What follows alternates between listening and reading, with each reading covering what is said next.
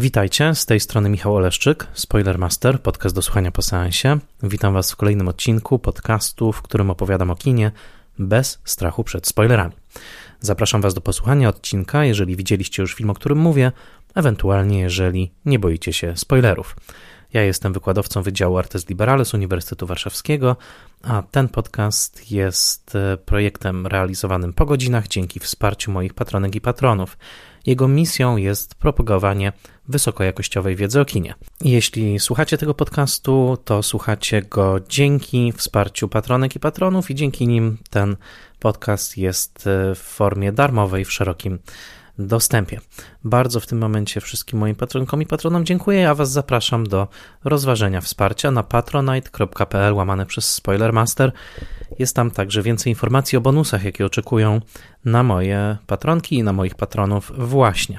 Szczególnie dziękuję moim patronkom i patronom imiennym, to znaczy Łukaszowi Daleckiemu, Agnieszce Egeman, Sebastianowi Firlikowi, Joannie i Dominikowi Gajom, Odjemu Hendersonowi, Beacie Hołowni, Adamowi Andrzejowi Jaworskiemu, Annie Jóźwiak, Tomaszowi Kopoczyńskiemu, Jakubowi Mrozowi, Iwonie Oleszczuk-Jaźwieckiej, Annie i Krystianowi Oleszczykom, Władimirowi Panfiłowowi, Tomaszowi Pikulskiemu, Mateuszowi Stępniowi, Weronice Więsyk, Jackowi Wiśniewskiemu, Jerzemu Zawadzkiemu i Tomaszowi Mączce, autorom podcastu Let's Mate Movies, Michałowi Żołnierukowi, a także blogowi Przygody Scenarzysty, prezentującemu analizy scenariuszowe. Serdecznie dziękuję im wszystkim i, tak jak mówię, zachęcam do wsparcia, a przynajmniej do szerowania tego podcastu. W dzisiejszym odcinku opowiem Wam w cyklu Classic o filmie pod tytułem Titanic. Ten film wyreżyserował James Cameron, a jego premiera światowa odbyła się pod koniec roku 1997. Do Polski film trafił 13 lutego roku 1998. Tym samym mamy właśnie, ponieważ ten odcinek pojawia się w lutym 2023, otóż obchodzimy 25. rocznicę polskiej premiery, a już parę miesięcy wcześniej była e, ta 25. rocznica e, premiery światowej amerykańskiej. E, z tego powodu postanowiłem wrócić do tego filmu, który w całości widziałem ten jeden raz wtedy, konkretnie w lutym roku 1998 w bytomskim kinie Gloria, niestety już nieistniejącym, razem, o ile mnie pamięć nie myli, z moją przyjaciółką Anią z liceum imienia Staszica, ale mam trochę już zatarte wspomnienia mm, tamtego momentu. To, co zdecydowanie ze mną zostało przez te wszystkie lata, to ogromne wrażenie, jakie ten film na mnie wtedy wywołał. Mm, I no, w tamtym czasie był to film, który kroczył triumfalnie przez ekrany świata, a Parę dni wcześniej, parę dni przed polską premierą, to znaczy w walentynki 14 lutego 1998, Titanic zaliczył swój najbardziej dochodowy dzień. W ten jeden dzień zarobił najwięcej pieniędzy w swoim i tak dosyć imponującym pochodzie finansowym, który zakończył się kwotą ponad dwumiliardową. Ponad 2 miliardy dolarów zarobił ten film. Był to pierwszy film, który zarobił więcej niż miliard, e, a później przekroczył także tę e, granicę 2 miliardów przy okazji kolejnych premier już wersji e, trójwymiarowej w 2012 roku. I w zasadzie w, tej, mm, w tym przedziale finansowym konkurencją dla Titanica był jedynie sam James Cameron, to znaczy oczywiście film Avatar, który tak się składa w roku 2023, kiedy nagrywam ten odcinek, no okazał się takim filmem, który udowodnił, że publiczność nadal chce chodzić do kin. W momencie, w którym nagrywam Avatar Istota Wody, czyli druga część Awatara, już ma w polskich kinach ponad 3 miliony widzów. Jest to popandemiczny, no absolutny rekord i James Cameron znowu triumfuje i oczywiście zapowiada nam kolejne części Awatara. Ale jako, że mamy tę okrągłą rocznicę, jako że 25 lat temu siedziałem z zapartym tchem, kto wie nawet, czy nie dokładnie 25 lat temu, nie zapamiętałem daty tamtego pokazu, ale musiały to być właśnie pierwsze dni po premierze polskiej. Pomyślałem, że pora do Titanica wrócić, przyjrzeć się Jamesowi Cameronowi, przyjrzeć się e, historii powstania filmu, no i zastanowić się, co po 25 latach e, o tym filmie myślimy, jak go mm, postrzegamy.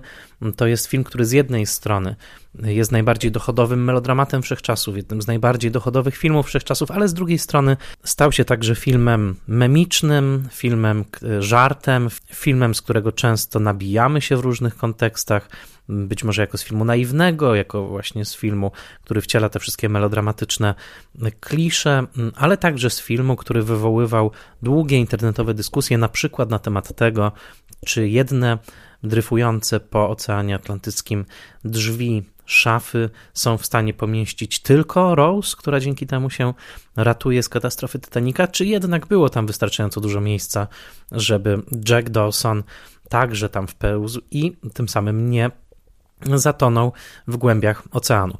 Y, to tylko jedna z wielu memicznych rozmów wokół tego filmu. Ja dzisiaj chciałbym Wam opowiedzieć trochę więcej o samym Jamesie Cameronie, o tym, w jakim momencie swojej kariery ten film kręcił, no i także co ten film oznacza w kontekście tej szerszej Jamesa Cameronowej y, filmografii. W przygotowywaniu odcinka, jak zawsze, pomagała mi bibliografia i internetowa, i papierowa. Korzystałem z książki Stevena Billa pod tytułem Down with the Old Canoe Cultural History of the Titanic Disaster, która analizuje kulturowy impact tego, czym było zatonięcie Titanica w 1912 roku. Nie analizuje za bardzo filmu Camerona, chociaż jest tam, są tam także fragmenty jemu poświęcone. Korzystałem także z książki Davida M. Lubina, Titanic z serii BFI Modern Classics, wydanej bardzo szybko po premierze filmu, bo jedyne dwa lata po niej. I korzystałem także z książki Rebeki Keegan pod tytułem The Futurist, The Life and Films of James Cameron, która przygląda się biografii i filmom Jamesa Camerona.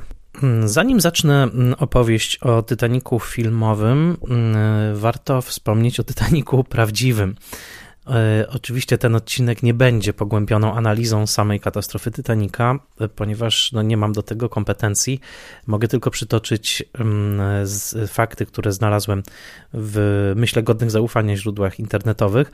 Natomiast e, od razu powiem, że przygotowując się do tego odcinka, chwilami wpadałem w taką króliczą norę różnych linków i materiałów poświęconych Titanicowi, ponieważ jest tego ogromnie dużo. Więc pozwólcie, że na początku odcinka dzisiejszego zrobię tylko taką bardzo, bardzo zwięzłą rekapitulację tego, co się przydarzyło temu słynnemu e, liniowcowi, ale jak najszybciej będę starał się już przejść do samego Camerona, przy czym fakty dotyczące Titanica mnie samego także chwilami zaskoczyły. To znaczy, ponieważ do tej pory w zasadzie polegałem na filmie Camerona jako na moim takim no, źródle wiedzy o, mm, o Titaniku, e, to no, chwilami znajdowałem informacje, które bardzo mnie zaskoczyły i też poszerzyły moje spojrzenie i na katastrofę, i na film e, Camerona właśnie. Titanic był e, liniowcem, e, jednym z trzech liniowców klasy Olympic, e, obok Olimpika i Gigantika, którego operatorem była linia, kompania żeglugowa White Star Line. Titanic zatonął w nocy z 14 na 15 kwietnia roku 1900 12 w trakcie swojego dziewiczego rejsu y, pasażerskiego na trasie Southampton, Sherbrooke, Queenstown i Nowy Jork. Był to innymi słowy rejs z Wielkiej Brytanii do Stanów Zjednoczonych. Ten statek był w swoim czasie największym, najpotężniejszym statkiem e, swojej klasy, który dominował wyobraźnię tamtego czasu swoją masywnością, e, długością, dłuższą o 100 metrów od bardzo podobnych statków, takich jak chociażby Lusitania czy Mauretania, no i tymi wielkimi czterema kominami, z których co prawda jeden był tylko atrapą zbudowaną dla efektu. Titanic był statkiem, który nie był wówczas najszybszym statkiem. To też jest interesująca informacja, ponieważ w filmie jest wyraźnie pokazane, że to prący ku sukcesowi i ku dobrej prasie szef mm, kompanii żeglugowej Joseph Bruce Ismay e, no, namawia kapitana e, Smitha do tego, żeby płynął jak najszybciej. No, Titanic właśnie nie był najszybszym z tych statków podobnej klasy, był nawet troszeczkę wolniejszy, ale dominował właśnie wielkością, masywnością i przepychem, luksusem swojego wystroju. Dodam, że te informacje dotyczące samego Titanica i jego rejsu e, czerpie e, przede wszystkim z fragmentów książki Daniela Alana Butlera pod tytułem Niezatapialny, pełna hi historia RMS Titanic, którą w Warszawie wydano w 1998 roku, ciekawe dlaczego, ale także z bardzo obszernego wpisu na Wikipedii e, RMS Titanic w języku polskim. Tutaj zwracam uwagę, polska Wikipedia ma o wiele bardziej rozbudowaną i szczegółową stronę poświęconą Titanicowi niż anglojęzyczna Wikipedia. Jakiś fan czy jakaś fanka naprawdę mocno się przyłożyli do tego, żeby ta strona Titanicowa była no bardzo szczegółowa. Można nawet tam zobaczyć, e, ile osób w poszczególnych szalupach się znalazło i jakie numery miały te szalupy ratunkowe i nie tylko. Także bardzo odsyłam do tej strony. Jednocześnie e, właśnie w, ta, w, tej nocy na Wikipedii dowiedziałem się, co mnie także zainteresowało, że e, zbyt mała ilość szalup ratunkowych, to znaczy taka, która mogła pomieścić w zasadzie połowę pasażerów na Titaniku, była oczywiście fatalnym błędem, ale nie była fatalnym błędem, który byłby właściwy tylko Titanicowi, ponieważ bardzo wiele, właściwie była to norma wtedy na tych e, wielkich liniowcach, że szalup było za mało. Więc znowu e, to mm, takie mocno forsowane w filmie Titanic e, przekonanie, że Titanic był właśnie tym najbardziej pysznym z wielkich statków, przeklętym przez pewną hubris, taką winę tragiczną, że to właśnie na tym statku było za mało szalub ratunkowych. Faktycznie w tej klasie liniowców tych szalub za mało było w zasadzie zawsze. I to dopiero katastrofa Titanica zwróciła uwagę na problem i zaczęto wywierać większe presje na kompanie żeglugowe, żeby e, tych szalup było po prostu więcej. Więc to kolejny ciekawy fakt, który tam znalazłem. E, Titanic oczywiście imponował wszystkim rozmiarami, e, ambicją całego projektu, którego głównym projektantem był Thomas Andrews, grany przez Wiktora Garbera w filmie i odgrywający w tym filmie sporą, sporą rolę. I dziewiczy rejs tego statku zaczął się dokładnie 10 kwietnia roku 1912, przy czym Kolejna ciekawa informacja: już w momencie wypłynięcia Titanic o mało co y, nie wszedł w kolizję z mniejszym statkiem y, o nazwie New York swoją drogą, który był wówczas w porcie y, w Southampton. I ta niemalże kolizja wywołała ponadgodzinne opóźnienie, a także wywołała sporą panikę wśród pasażerów statku, co sprawiło z kolei, że część pasażerów wysiadła w Queenstown, a zatem wystraszyła się, uznała, że e, ten rejs jest feralny i kto wie, czy to właśnie nie ta decyzja nie uratowała im życia. E, to jeden ze szczegółów, którego w filmie Camerona, e, Camerona nie zobaczymy. Kapitanem statku był Edward John Smith, który jak najlepszy gliniarz w amerykańskim filmie miał to być dla niego jego ostatni rejs i kapitan honorowo poszedł do, na dno razem ze statkiem.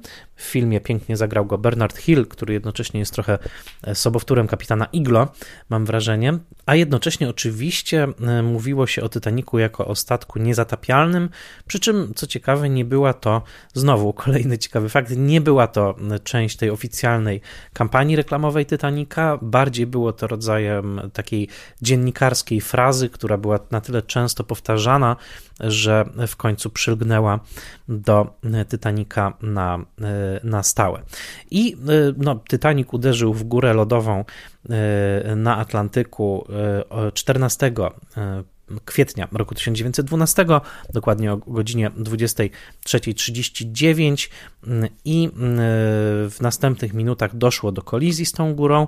I znowu przez lata żyłem w takim przeświadczeniu, że to właśnie ta góra na tyle zadrasnęła stal, y, stalowe płyty, z jakich był zrobiony Titanic, że y, to, to była ta główna przyczyna y, katastrofy, to przerwanie stali. Tymczasem i oczywiście zalanie kolejnych tych E, wodoszczelnych pokładów, które mimo tego, że były oddzielone właśnie grodziami wodoszczelnymi, które miały gwarantować bezpieczeństwo, e, e, zostało zatopione za wiele z nich i tak statek zaczął być ciągnięty powoli, powoli na, na dno, potem uległ przełamaniu i później w końcu obydwie połowy rozłamanego liniowca powędrowały na dno oceanu.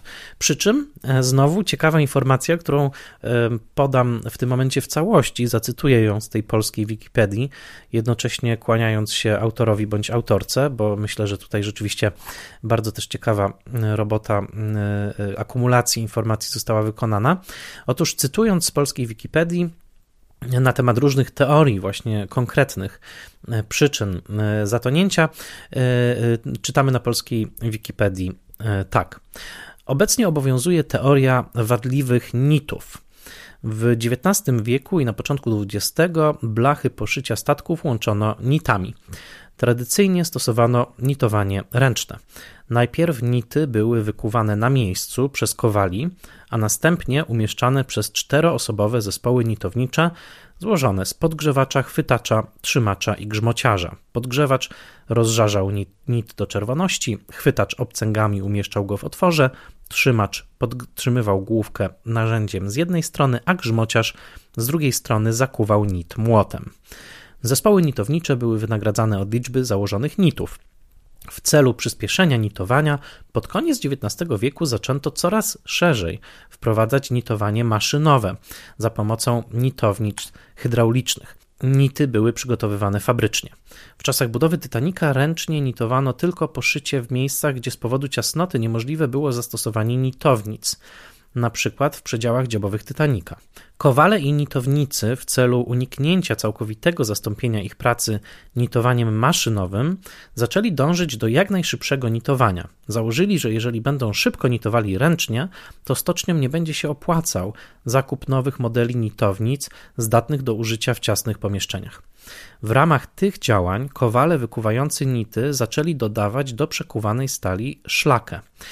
Dodatek ten zwiększał zawartość węgla w stali, przez co stawała się ona kowalniejsza.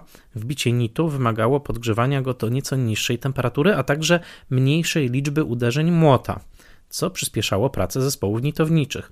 Okazało się jednak, że takie nity są o wiele bardziej kruche i nie są w stanie znieść większych obciążeń, takich jak nity wbijane hydraulicznie, gdzie nie był dodawany żużel. Podczas zderzenia z górą lodową, wedle tej teorii, arkusze blachy poszycia wytrzymały, co najwyżej uległy niewielkim ugięciom, ale równocześnie część nitów je łączących uległa zniszczeniu, główki zostały ścięte, pomimo że powinny były wszystkie wytrzymać. W rezultacie pomiędzy arkuszami blachy powstały szczeliny, przez które woda dostała się do kadłuba. I to też jest bardzo interesująca informacja, która pokazuje, że taki splot czynników, także związanych z rewolucją przemysłową, z pracą maszynową, z tym wypieraniem pracy ręcznej, rzemieślniczej, przy tym wielkim projekcie, także miało swoje ekonomiczne powiązanie z tym właśnie, że żeby nitować szybciej i na wielką, większą skalę, e, stosowano te nity o mniejszej wytrzymałości, co znowu by poniekąd przyczyniło się do, do tej katastrofy, więc y, tak jak amerykańskie pismo The Onion, które w pewnym momencie zażartowało, że Titanic to jest największa metafora pływająca na świecie, i nawet sfingowało taki nagłówek, że największa pływająca metafora świata uderza w górę lodową. Tak tutaj znowu Titanic mógłby być spokojnie metaforą właśnie kapitalistycznego pośpiechu czy byle jakości, e, maszynowości, masowości, właśnie gdybyśmy tylko nawet przyjrzeli się owym nieszczęsnym y, nitom tak jak mówię, można spokojnie zagłębić się na długie godziny w różne materiały, filmy dokumentalne, jest ich bardzo dużo na YouTubie i nie tylko. Fascynacja Titanikiem nie słabnie. Wydaje mi się, że obok pancernika Potiomkina Eisensteina e, jest to drugi najsłynniejszy statek filmowy świata. A kto wie, czy już film Camerona nie prześcignął e, pancernika Potiomkina Eisensteina, tym bardziej, że Cameron też sięga po pewne marksistowskie tropy nierówności społecznej, a nawet zastrzelonego człowieka pracy, to znaczy Tomiego Ryana, e, tak jak mieliśmy zastrzelonego marynarza w pancerniku Potiomkinie. Innymi słowy, to jest rozdział, którego tylko w tym momencie troszkę dotykam, ale którego nie będę e, rozwijał. Dla naszej opowieści ważne jest to, że na pokładzie było około 2200 osób, e, zginęło w tej katastrofie około 1500 a około 730. Tutaj te liczby są dyskretnie różne w różnych źródłach, więc już nie będę ich uśredniał. Około 720 zostało e, uratowanych. E, sporo z nich później odłowiono, ponad 300 ciał odłowiono i pochowano na e, cmentarzu w Halifaxie, którego mogiły do dzisiaj podobno są utrzymywane w bardzo dobrym stanie przez fundusz powierniczy firmy White Star Lines, właśnie który był założony wtedy po to, aby te groby ofiar katastrofy E, uhonorować. E, co także istotne, i tutaj przychodzi mm, z pomocą książka Stevena Billa, mm, Titanic od początku, właściwie od pierwszego momentu, kiedy świat dowiedział się o tej katastrofie, stał się taką właśnie żywą metaforą. Od razu był odczytywany przede wszystkim jako metafora kapitalistycznego ekscesu, jako metafora właśnie bezduszności maszyny, e, która pochłonęła oto te ludzkie, ludzkie życia. Thomas Hardy, autor mm, Tessy, którą później sekranizuje Polański, napisał nawet wiersz, zresztą to nie był jedyny wiersz o Titaniku, który Steven Bill przytacza, e, wiersz e, Spotkanie dwojga, w którym ta góra lodowa, o którą roztrzaskał się Titanic, oczekuje na ten statek, tak jakby go przyciągała, tak jakby ta stal statku i lód tej góry lodowej były od początku sobie przeznaczone, tak właśnie, żeby tego e, feralnego wieczora o 23.39 się spotkać w e, fatalnej morskiej kraksie. Analizowano także przyczyny, obwiniano różne osoby, były dwie komisje śledcze wokół tej katastrofy. To wszystko jest do, tak jak mówię, waszego dalszego smakowania online, ponieważ zainteresowanie Titanikiem nie słabnie. E, natomiast nasza historia filmowa na pewno e, musi zahaczyć o wcześniejsze filmy Titanicowe których było bardzo dużo i których znowu wszystkich teraz nie wymienię, ale od początku także, chcę to zaznaczyć, katastrofa Titanica inspirowała filmowców. Dość powiedzieć, że 29 dni po katastrofie już powstał pierwszy film o katastrofie Titanica. Ten film z roku 1912, no właśnie, Ocalona z Titanica, był wyreżyserowany przez Etienne Arnaud. Obecnie jest to film zaginiony, e, utracony ale y, jest to mm, film, który no, powstał bardzo szybko, y, właściwie tuż po katastrofie, a zatem był taką też próbą właśnie zarobienia y, na, i przetworzenia popkulturowego tej katastrofy. Film, który można obejrzeć w całości na YouTubie, też pochodzi z 1912, nazywa się La Hantise, znany po angielsku jako Obsession. Otóż ten film wyreżyserował nikt inny jak ważny reżyser wczesnego kina francuskiego, czyli Louis Fayard, jest to półgodzinny film, o bardzo ciekawy, jest na YouTubie cały. Mianowicie mm, kobieta mm, jest u wróżki, dostaje taką informację, że jej ukochany mm, zginie i ona właśnie próbuje przekonać swojego męża, żeby nie wsiadał na, na Titanica. Także tutaj także jest taki, mm, taki, taki wątek. Y, no i y, w Niemczech z tego samego roku już, czyli trzy filmy powstały o Titanicu w 1912 roku.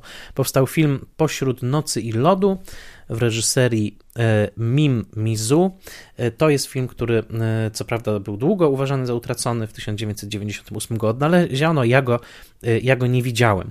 Późniejsze wcielenia tej opowieści to m.in. wczesny dźwiękowy film Ewalda André Diponta, znanego z filmu Varieté pod tytułem Atlantyk, w Oscarowym filmie Kawalkada z 1933 roku, który przywołano w trakcie gali Oscarowej, kiedy triumfował Titanic w 1998 roku.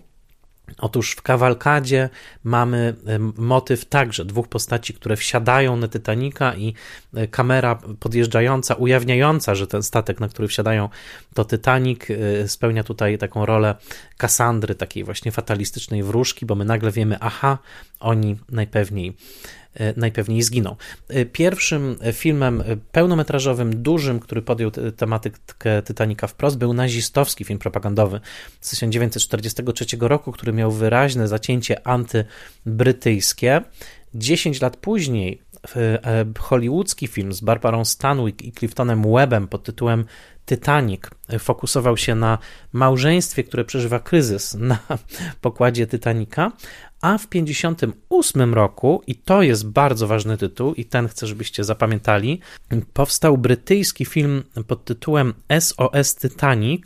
On jest tak znany w Polsce. W oryginale to było A Night to Remember w reżyserii Roya Warda Bakera według bardzo poczytnej książki reporterskiej Waltera Lorda, także pod tym tytułem Pamiętna Noc.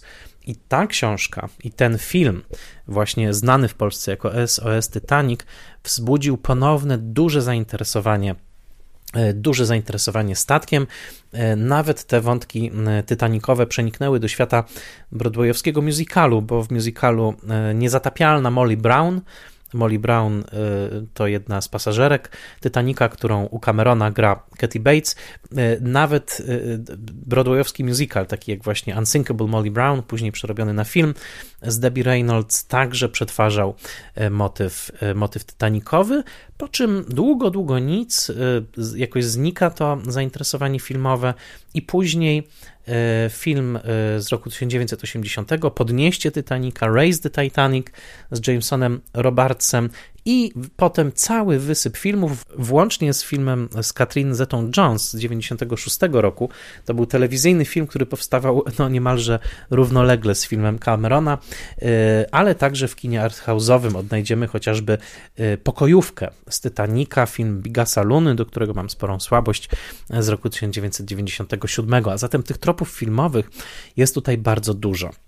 Natomiast Jamesa Camerona do sięgnięcia w ogóle po tę e, opowieść e, zdecydowanie najbardziej zainspirowały dwa zdarzenia. I tutaj już wchodzimy w tę opowieść o samym Jamesie Cameronie i o Titaniku. Jedno zdarzenie to jest samo odkrycie wraku Titanika. Ten wrak e, został odkryty przez ekspedycję badacza Roberta Ballarda 1 września roku 1985. Na głębokości prawie 4 km, mm, dokładnie 302 metrów, odnaleziono właśnie ten legendarny wrak. To był 1 września roku 1985. Ta wiadomość obiegła świat i zaczęły się takie właśnie eksploracje tego wraku, także kontrowersyjne, ponieważ jest on przecież także cmentarzem wielu, wielu ofiar. I symbolicznie produkcja filmu ruszyła 1 września, produkcja filmu Camerona ruszyła 1 września roku 1995, czyli dokładnie 10 lat zajęło od tego pierwszego momentu, kiedy na nowo odkryto ten wrak y, i na nowo trochę właśnie powrócono do myślenia o Titaniku, a tym momentem, kiedy produkcja filmu E, filmu e, ruszyła. No i tutaj jest najlepszy możliwy moment do tego, żeby przejść do Jamesa Camerona, no bo co skłoniło tego e, autora, żeby sięgnąć właśnie po Titanica.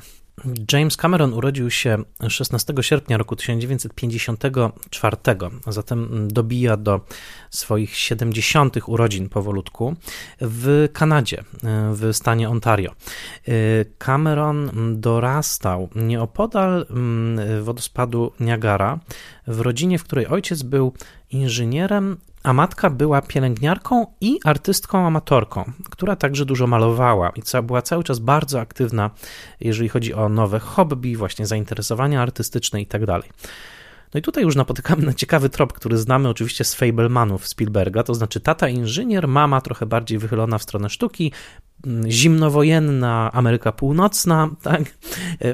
Całe pokolenie w ten sposób właśnie się wychowywało. Mężczyźni bardziej w tych tradycyjnie męskich zawodach inżynierskich, jako ojcowie, kobiety bardziej dryfujące w stronę domu, ale rozbudzone artystycznie, no i powstali tacy Spielbergowie, tacy Cameronowie, chłopcy z dużymi zabawkami, można powiedzieć łączący jakoś te dwa wpływy, właśnie inżynierskie e, i, i artystyczne, w swoich niezwykle rozbudowanych, wielkich, zarabiających miliony dolarów filmach. Byłby pewnie to ciekawy temat w ogóle do podjęcia w jakiejś szerszej kulturowej analizie.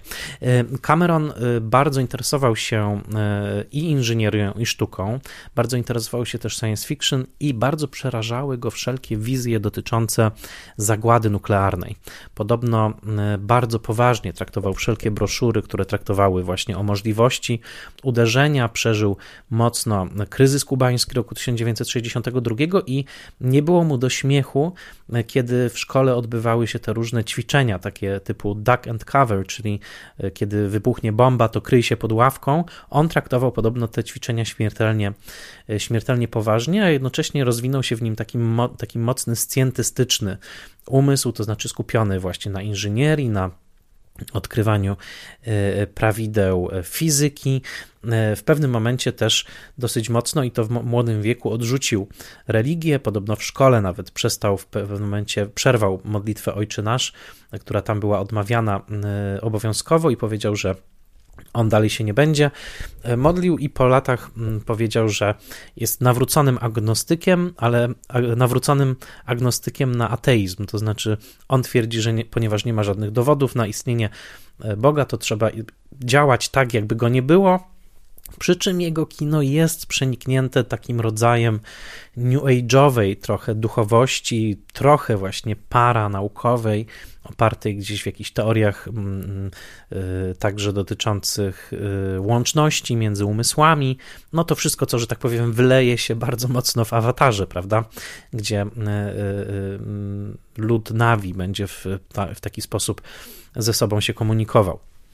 I e, James Cameron e, i jego rodzina e, przenoszą się do Stanów Zjednoczonych. To jest początek lat 70., kiedy oni lądują w Brea w, w Kalifornii. I dla niego to jest, to jest świetna wiadomość, no bo wówczas już był bardzo zainteresowany kinem, e, także wiedział, że bliskość do Hollywood będzie dla niego czymś, e, czymś dobrym.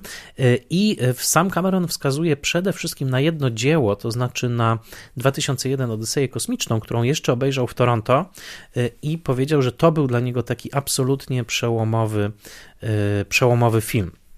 E, pamiętał, że był nim zafascynowany i chciał przede wszystkim wiedzieć, jak y, zrobił to wszystko Kubrick, jak osiągnął te wszystkie efekty. Wy możecie się tego dowiedzieć, słuchając odcinka Spoilermastera poświęconego 2001 Odysei Kosmicznej.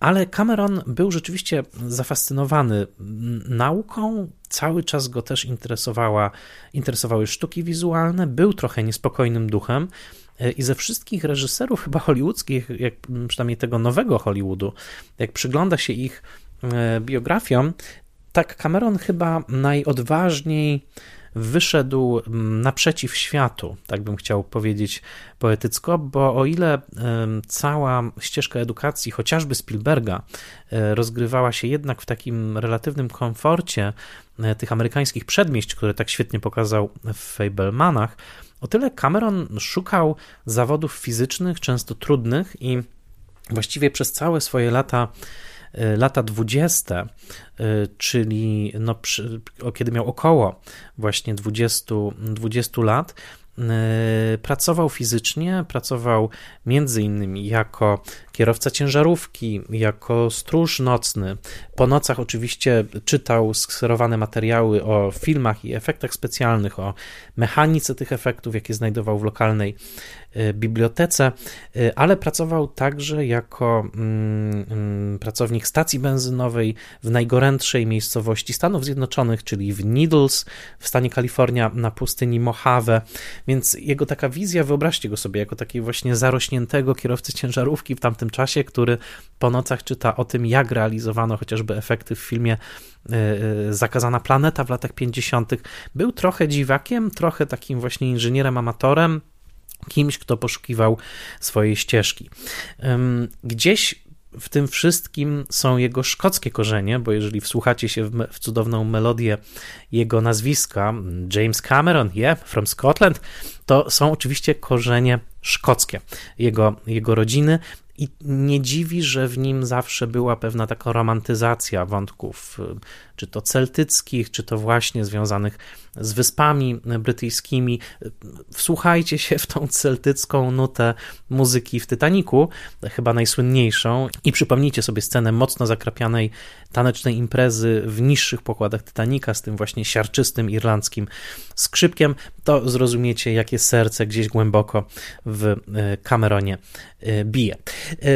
Momentem kluczowym dla niego z punktu widzenia już takiego rodzącego się filmowego serca, takiej wrażliwości, to obok Kubricka jest oglądanie namiętne podwodnych dokumentów Jacques'a Cousteau, znanego także laureata Złotej Palmy za Świat Milczenia, pionierskiego dokumentalisty świata podwodnego, a także moment, w którym powstają Gwiezdne Wojny. To jest oczywiście rok 1977, George Lucas.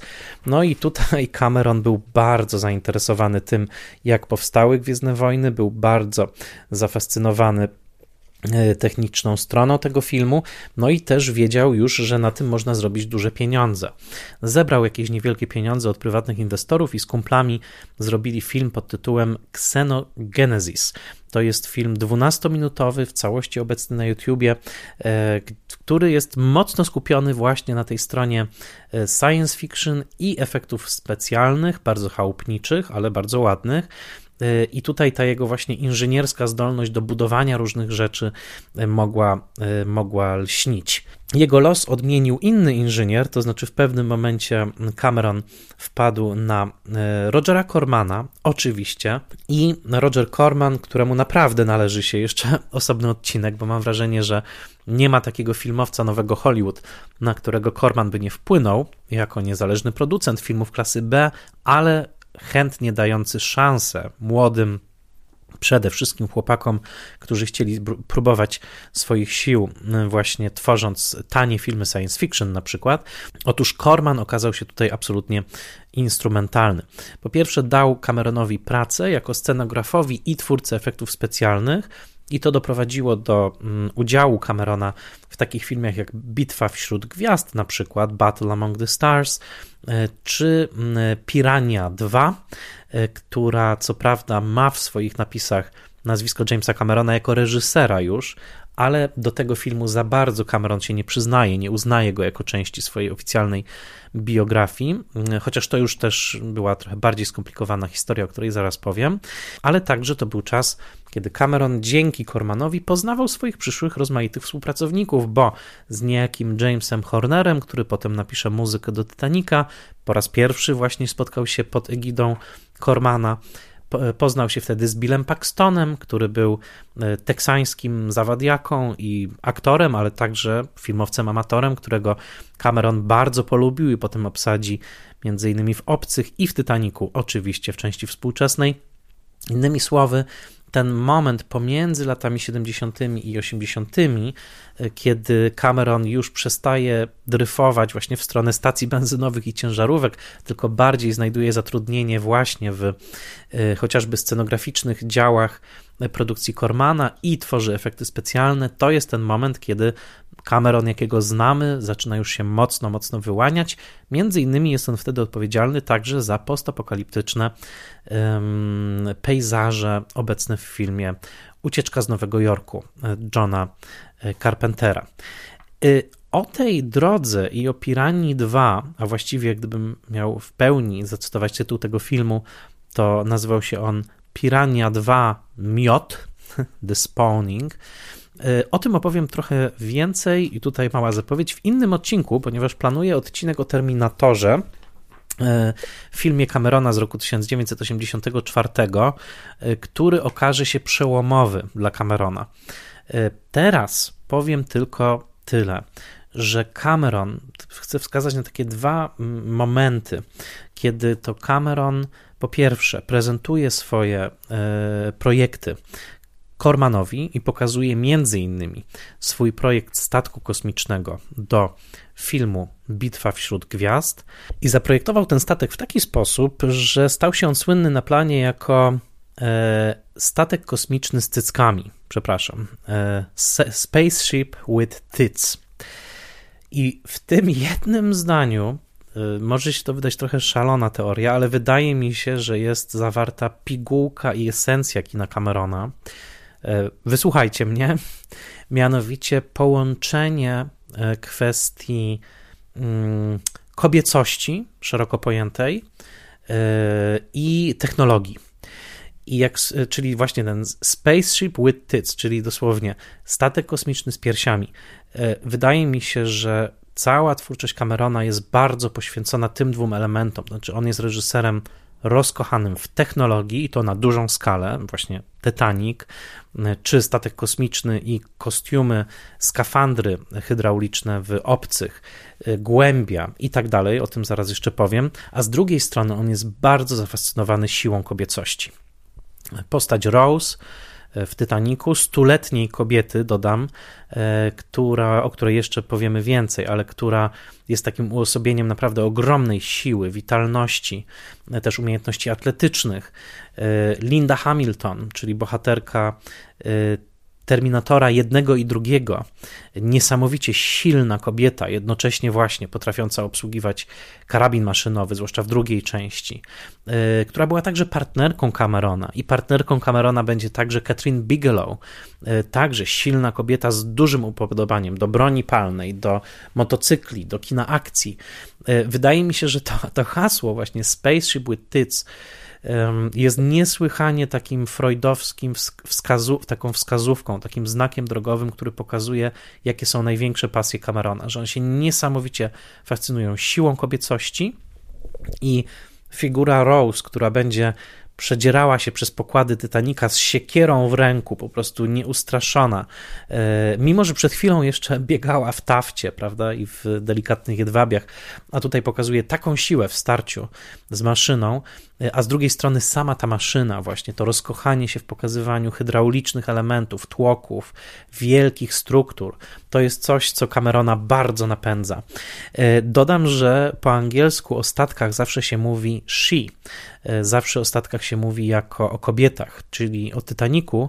My mówimy Titanic, ten Titanic. Amerykanie i Cameron konsekwentnie we wszystkich wywiadach zawsze o niej mówi she, czyli ona poszła na dno, ona płynęła. Titanic był kobietą, jednym słowem, zgodnie z długą tradycją e, właśnie określania statków e, zaimkami żeńskimi w kulturze anglosaskiej. E, także Titanic, można powiedzieć, ona, Titanic, film o silnej kobiecie w postaci Rose i silnej kobiecie, zdecydowanie, w postaci samej, samej Titanic.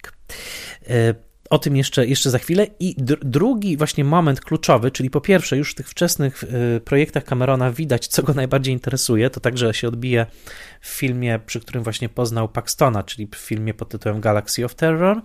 Ale drugi moment, bardzo, bardzo ważny, jest taki, kiedy w marcu roku 1982 James Cameron jest w Rzymie, ponieważ tam toczą się batalie wokół montażu filmu Pirania 2 który producent chciał uczynić trochę bardziej erotycznym, takim wulgarnie erotycznym, e, przy czym Cameron próbował to wszystko ścinać żeby jednak był to film klasy B, ale taki no niepornograficzny film klasy B.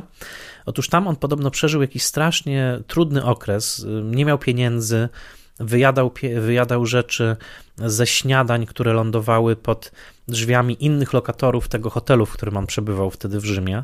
We Włoszech jest taki zwyczaj, sam tego doświadczyłem, że pod drzwiami często nawet najtańszego hostelu ląduje, ląduje rano bułeczka na przykład i jogurt.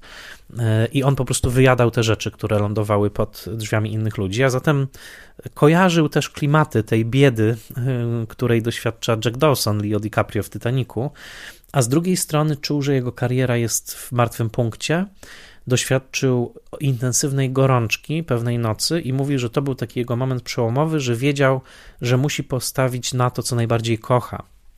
A projektem najbliższym jego sercu wtedy był Terminator.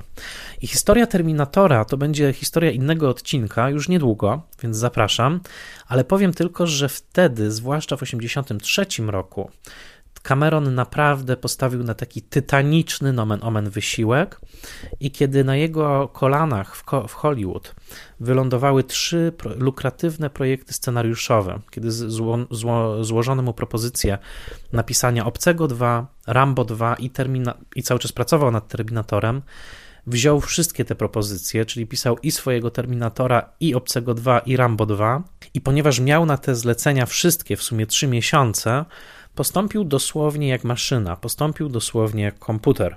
Policzył, ile jest dni do końca zlecenia, właściwie tych trzech zleceń, trzech prac. Policzył ilość godzin, które realistycznie może spędzić na jawie.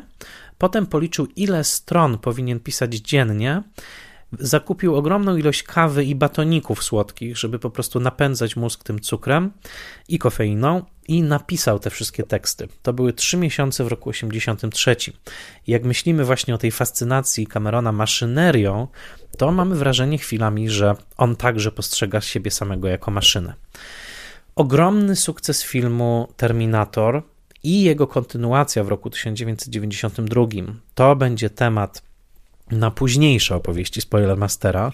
Oczywiście ta futurystyczna opowieść z y, Arnoldem Schwarzeneggerem okazała się klasykiem kina akcji i science fiction jednocześnie, ale także dwa inne projekty w latach 80. wskazały na wielkie fascynacje Camerona.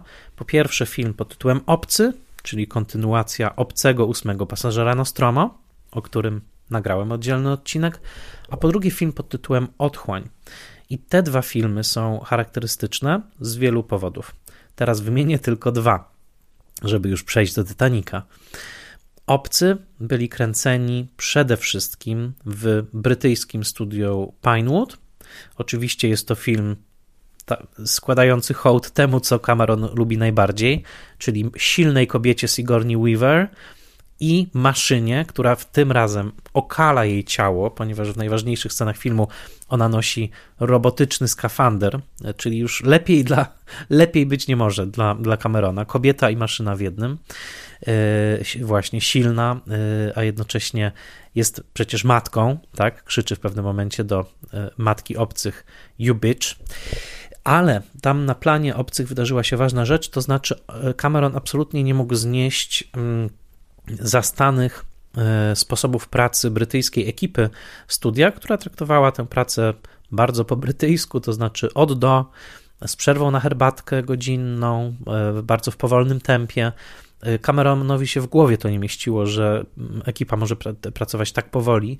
On był przyzwyczajony do tego, ciągłego wymyślania rozwiązań i pracy do późnych godzin u Kormana, gdzie pasja filmowa grupy wariatów napędzała przedsięwzięcie, no a tutaj była po prostu e, naoliwiona maszyna brytyjskiej flegmy i spokoju, która całkowicie wchodziła w konflikt z jego amerykańskim temperamentem. I tamte konflikty były naprawdę bardzo brutalne między nim a tą ekipą, do tego stopnia, że w ostatnim dniu e, Cameron odwrócił się do nich, powiedział E, ja tu już nigdy nie wrócę, e, wy tu zostaniecie na zawsze e, i no, zestawcie to z tym momentem, kiedy Cameron otrzymuje Oscara za Titanica i krzyczy jestem królem świata.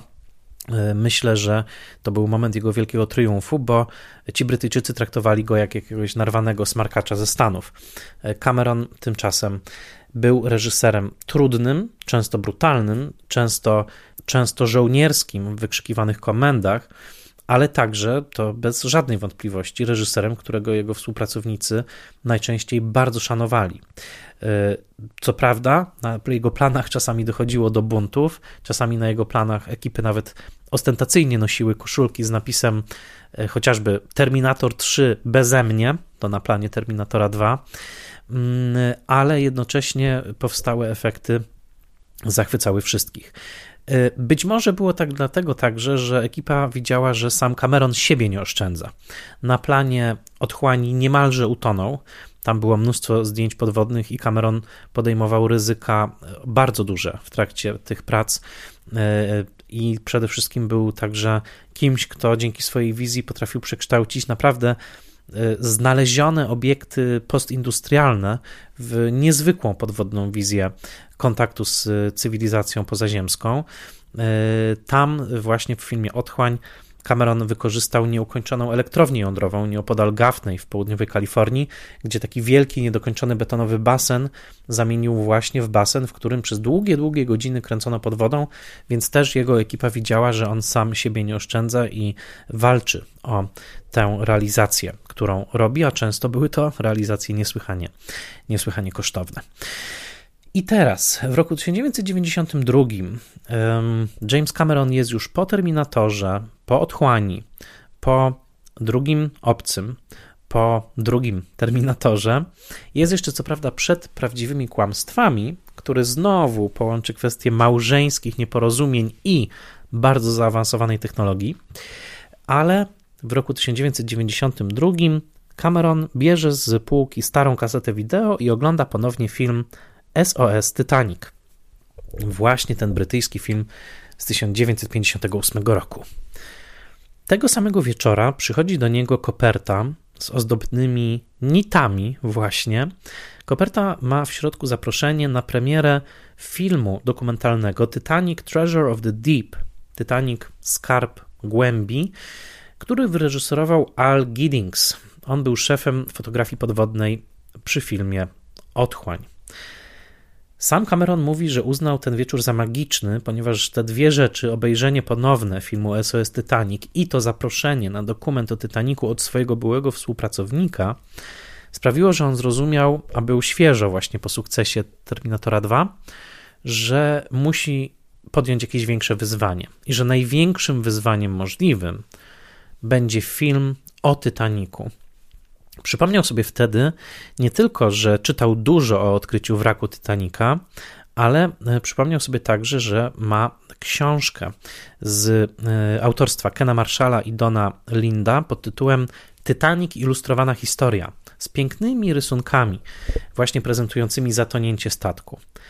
I powoli wszystkie puzzle zaczęły się schodzić ponieważ w tamtym czasie rosyjskie ekspedycje oceanograficzne schodziły na dno oceanu i właśnie obserwowały e, wrak Titanica, Cameron przyłączył się do tej załogi statku Keldysz i ten statek zresztą widzimy w początku Titanica, tak? To, są, to jest dokładnie ten statek, na którym rozgrywa się y, współczesna rama Titanica.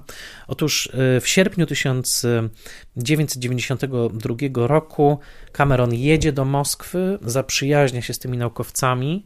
Oni się też cieszą, ponieważ on finansuje dużo tych właśnie zejść, zwłaszcza w czasie, kiedy po rozpadku Związku Radzieckiego oni doświadczyli dużych cięć budżetowych i zaczyna się cała saga. Cameron postanowił, że po obejrzeniu i po kilkakrotnym zejściu do tego wraku, pamiętajcie, że w tej mm, kapsule opuszcza się tam ponad dwie godziny, to są naprawdę stresujące podróże, oczywiście też podniecające dla takiego awanturnika, jakim jest Cameron, ale tam też były momenty grozy, kiedy wydawało się, że nie wypłyną, kiedy przytrzymywał ich przy dnie prąd morski i tak dalej. To Rebecca Keegan świetnie w swojej książce opisuje, ale tak jak mówię, umysł Camerona pracuje już tylko w jednym kierunku, to znaczy robię film. I teraz, żeby taki film zrobić, jak Titanic, który okaże się najdroższym filmem świata, będzie kosztował więcej niż 200 milionów dolarów, to trzeba znaleźć finansowanie. I momentem kluczowym jest przekonanie wytwórni 20th Century Fox na, wyło- na wyłożenie pieniędzy. Sam James Cameron opowiada, że kiedy wszedł do biura e, ówczesnego prezesa 20th e, Century Fox, to znaczy Petera Czernina, że był uzbrojony tylko i wyłącznie w tę ilustrowaną książkę, o której przed chwilą wspomniałem, i w jedno zdanie. Mianowicie rozłożył tę książkę na biurku Czernina i powiedział: Romeo i Julia na tym statku. Podobno, tak chce hollywoodzka legenda, tyle wystarczyło. I e, sama myśl o tym, że na tym statku tonącym będzie się rozgrywał romans właśnie dwójki młodych ludzi z różnych światów, takich jak Romeo i Julia, wystarczył, żeby sprzedać ten pomysł. Ale oczywiście nic nie potoczyło się tak zupełnie prosto, mimo że 20th Century Fox y, faktycznie przyznał duże y, pieniądze na rozwój tego filmu, okazało się to za mało. I w takim momencie bardzo rzadkim w historii Hollywoodu 20th Century Fox stowarzyszyło się z inną dużą wytwórnią, dużym dystrybutorem, to znaczy Paramount Pictures, które dołożyło 65 milionów dolarów do tego budżetu, nie więcej, ale jednocześnie e, zarezerwowało sobie prawa do dystrybucji tego filmu na terenie USA. Prawa do dystrybucji w reszcie świata miały właśnie 20th Century Fox. Dlatego, kiedy szliśmy do kina wtedy, to y, słyszeliśmy najpierw fanfary 20th Century Fox, natomiast w Stanach ten film dystrybuował Paramount. Dwóch gigantów hollywoodzkich musiało się stowarzyszyć, żeby ten film sfinansować. Sam James Cameron musiał o ten film bardzo walczyć. Dlaczego? Ponieważ postanowił od początku, że Titanic będzie rodzajem rywala dla Przeminęło z wiatrem. Pamiętajcie, że w momencie, kiedy ten film wchodził już de facto w produkcję, chociaż jeszcze nie w zdjęcia, e, Cameron miał 41 lat. W momencie, kiedy odbierał Oscara za ten film, miał lat 43. Te lata, gdzieś pomiędzy 40 rokiem a 43 życia, poświęcił w całości na kręcenie Titanica i uznał, że ten film uda się tylko wtedy, jeżeli powstanie z największym możliwym nakładem środków, ale także jeżeli będzie w nim pionierskie połączenie ogromnych efektów scenograficznych, to znaczy wielkich makiet, modeli i dekoracji, połączonych z takimi rodzajami animacji komputerowej, które nie będą zwracały na siebie uwagę, tak jak miało to miejsce w Terminatorze 2, gdzie policjant z płynnej stali rozpuszczał się na naszych oczach i wracał do pierwotnej formy, chociażby, tylko kiedy te efekty komputerowe będą tak wkomponowane w całość, że po prostu widz przyjmie całość tej wizji jako coś naturalnego. Oczywiście było czymś bardzo ważnym i cennym wówczas, że Cameron miał już ze sobą doświadczenie Terminatora 2 bo to w tamtym filmie e, po raz pierwszy wykorzystał efekty komputerowe na tak wielką skalę. Wcześniej był ich pionierem, wynajmując Industrial Lights and Magic studio George'a Lucasa do wykonania efektu e, słynnej macki wodnej w otchłani, ale to Terminator 2 naprawdę udowodnił całemu światu, do czego zdolne są efekty komputerowe. Rok później oczywiście miał premierę Park Jurajski e, Stevena Spielberga. Natomiast w Titanicu efekty komputerowe miały być faktycznie wkomponowane w całość do tego stopnia, że do dzisiaj, mimo że do dzisiaj jesteśmy bardziej cwani w e, wynajdywaniu tego, co na ekranie jest realne, a co nie, mam czasami wrażenie, zwłaszcza kiedy oglądamy filmy z lat 90., do dzisiaj Titanic pod tym względem robi wrażenie, zwłaszcza w umiejętnym wymieszaniu prawdziwych statystów spadających pod koniec z ogona Titanica e, w dół. Tam czasami trudno się domyślić, kto jest prawdziwym statystą, a kto jest e, domalowanym. Tak czy inaczej, to było tylko jedno z wielu wyzwań, i dobrze, że Cameron miał już wtedy swoją firmę e, produkującą efekty specjalne, to znaczy Digital Domain. Okaże się ona absolutnie, absolutnie bezcenna ponieważ w Titanicu jest mnóstwo momentów, w których chociażby przechadzający się po pokładach pasażerowie Titanica są po prostu komputerowo dodani, e, ewentualnie dodawane są elementy krajobrazu za burtą e, i tak dalej, i tak dalej. Jest to bardzo, bardzo skomplikowana mozaika, której całościowe prześledzenie umożliwiają dodatki na mm, wydaniu Blu-ray e, tego filmu. Jest to rzeczywiście fascynujący wysiłek komputerowo inżynieryjny. Natomiast y, ważne było właśnie to, że Cameron jednak chciał, żeby ten film miał także oddech, jeżeli chodzi o samą fizyczną rekonstrukcję prezentowanego świata. Innymi słowy, postanowił wybudować Titanica jeszcze raz, trochę tak, jakby się to robiło w starym Hollywoodzie. I żeby to zrobić, żeby wybudować taką replikę Titanica, co prawda dobudowaną tylko w połowie, bo druga połowa była odsłoniętym, odsłoniętą konstrukcją, ale jednak potrzebował sporego kawałka wybrzeża e, do tego celu. I tutaj ciekawostka, Cameron bardzo poważnie rozważał Polskę, właśnie słynną ze swoich stoczni, także pod względem politycznym e, i jako ktoś zauroczony filmami Bergmana i takim bałtyckim światłem, powiedzmy, które świetnie chwytał operator Sven Nykvist, poważnie rozważał, czy to właśnie nie Polska powinna być tym e, krajem, w którym nakręci swój e, film i w którym zrekonstruuje Titanica. Tak się jednak nie stało, chociaż byłoby to ciekawe. E, wybrał jednak piękne refleksy świetlne na Pacyfiku i wygrało wybrzeże Meksyku Niedaleko Rosario w Meksyku stanęła wielka replika Titanica, właściwie w skali 1 do 1. Szalupy były pomniejszone trochę, ale ogólnie rzecz biorąc, ta replika była niemalże e, identyczna, ale także stanęły tam rozliczne dekoracje zbudowane specjalnie dla tego filmu zbudowane specjalnie baseny wewnętrzne i zewnętrzne, w których potem te elementy dekoracji były zanurzane metodycznie po to właśnie, żeby, żebyśmy my mieli wrażenie podnoszącej się wody, chociażby w windzie, w której są uwięzieni Rose i Jack. E, było to nieprawdopodobne osiągnięcie techniczne i oczywiście wielki wydatek finansowy, do tego stopnia, że 20th Century Fox postanowiło, że zainwestuje w to wszystko, ale też kupi tę ziemię i po prostu te dekoracje i te przede wszystkim hale zdjęciowe i baseny zdjęciowe po prostu już tam zostaną i będą studiem, de facto będą studiem, z którego 20th Century Fox będzie korzystało później. Y, to studio obecnie nosi nazwę y, Baja czy Baja Studios. Między innymi był ta, było tam potem kręcone Pearl Harbor czy Pan i Władca na krańcu świata, ale wszystko to zostało zbudowane na potrzeby Titanica i jeżeli wpiszecie hasło James Cameron Titanic set, to zobaczycie dokładnie zdjęcia z tego meksykańskiego wybrzeża, jak połówka Titanica stoi, jest na wielkich hydraulicznych podnośnikach, e, które potem miały właśnie e, symulować powolne tonięcie statku. Było to nieprawdopodobne logistyczne przedsięwzięcie, e, także dlatego, że Cameron postanowił, że odtworzy Titanica w najdrobniejszych szczegółach, włącznie z takimi detalami jak sztućce z logiem White Star Lines czy porcelana z tym logiem, mimo że to logo często nie było widoczne i to samo dotyczyło kostiumów, gorsetów, wszystkiego, co tylko można było kupić za pieniądze. Pod względem szczegółowości rekonstrukcji ten film rzeczywiście jest bardzo, bardzo e, wystawny, kosztowny i często przekonujący. Chociaż, tutaj otworzę mały nawias, myślę, że i wtedy, i z perspektywy lat widać, jak bardzo amerykański jest Cameron w przywoływaniu tego świata wczesnego wieku XX, jak wiele jest tam anachronizmów, ale też takiego przekonania, że o istocie tamtego świata, tej kultury, przede wszystkim anglosaskiej, e, decydowały właśnie pieniądze i decydowało to, co ludzie mieli na sobie i z jakich filiżanek pili kawy. E, tymczasem Cameron na pewno nie chwyta kulturowego poszycia tego świata. Jest dla niego e, ono zupełnym terra incognita.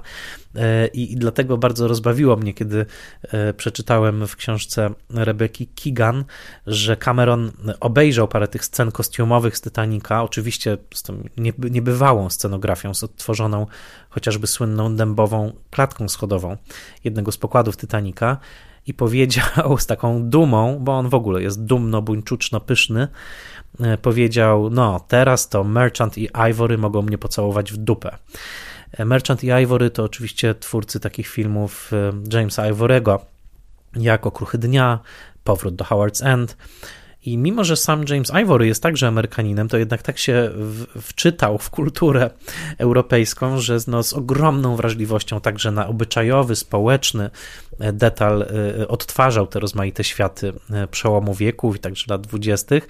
James Cameron robi to w sposób niemalże naiwny, nawet sięgając po takie jawne anachronizmy, jak chociażby przywoływanie konkretnych malarzy, których płótna rzekomo rozwiesza Rose w, swoim, w swojej kajucie i zapytana przez swojego obrzydliwego narzeczonego, czyli Kala, e, Bilego Zayna, co to za malarze. Ona mówi, że to Picasso, widzimy też Degas, e, ma tam płótno Moneta, tak skąd ona to wszystko wy, wytrzasnęła. No i co ciekawe, są tam płótna, które przecież znamy E, potem z muzeów i reprodukcji, no skoro zaginęły na Titaniku, to jakim cudem. Ale to jest taki sposób Jamesa Camerona, żeby pokazać, że Rose interesuje się sztuką nowoczesną, to właśnie jest e, wypełnienie jej kajuty płótnami Degas i Picassa i tak dalej.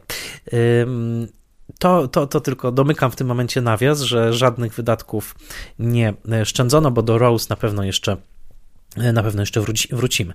E, Cameron e, musiał napisać scenariusz i, i, napisał go z dużym nakładem też researchu, tak? Przeczytał podobno wszystko, co tylko o Titanicu można było przeczytać. Na w komentarzu audio cały czas się chwali, że wszystko, co tam zawarł na statku jest w zasadzie wierne wobec rzeczywistości.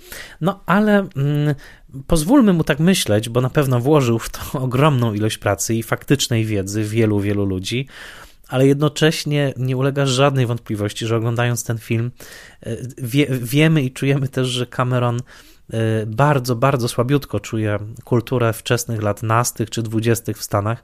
On buduje ten świat z bardzo wyraziście melodramatycznego budulca.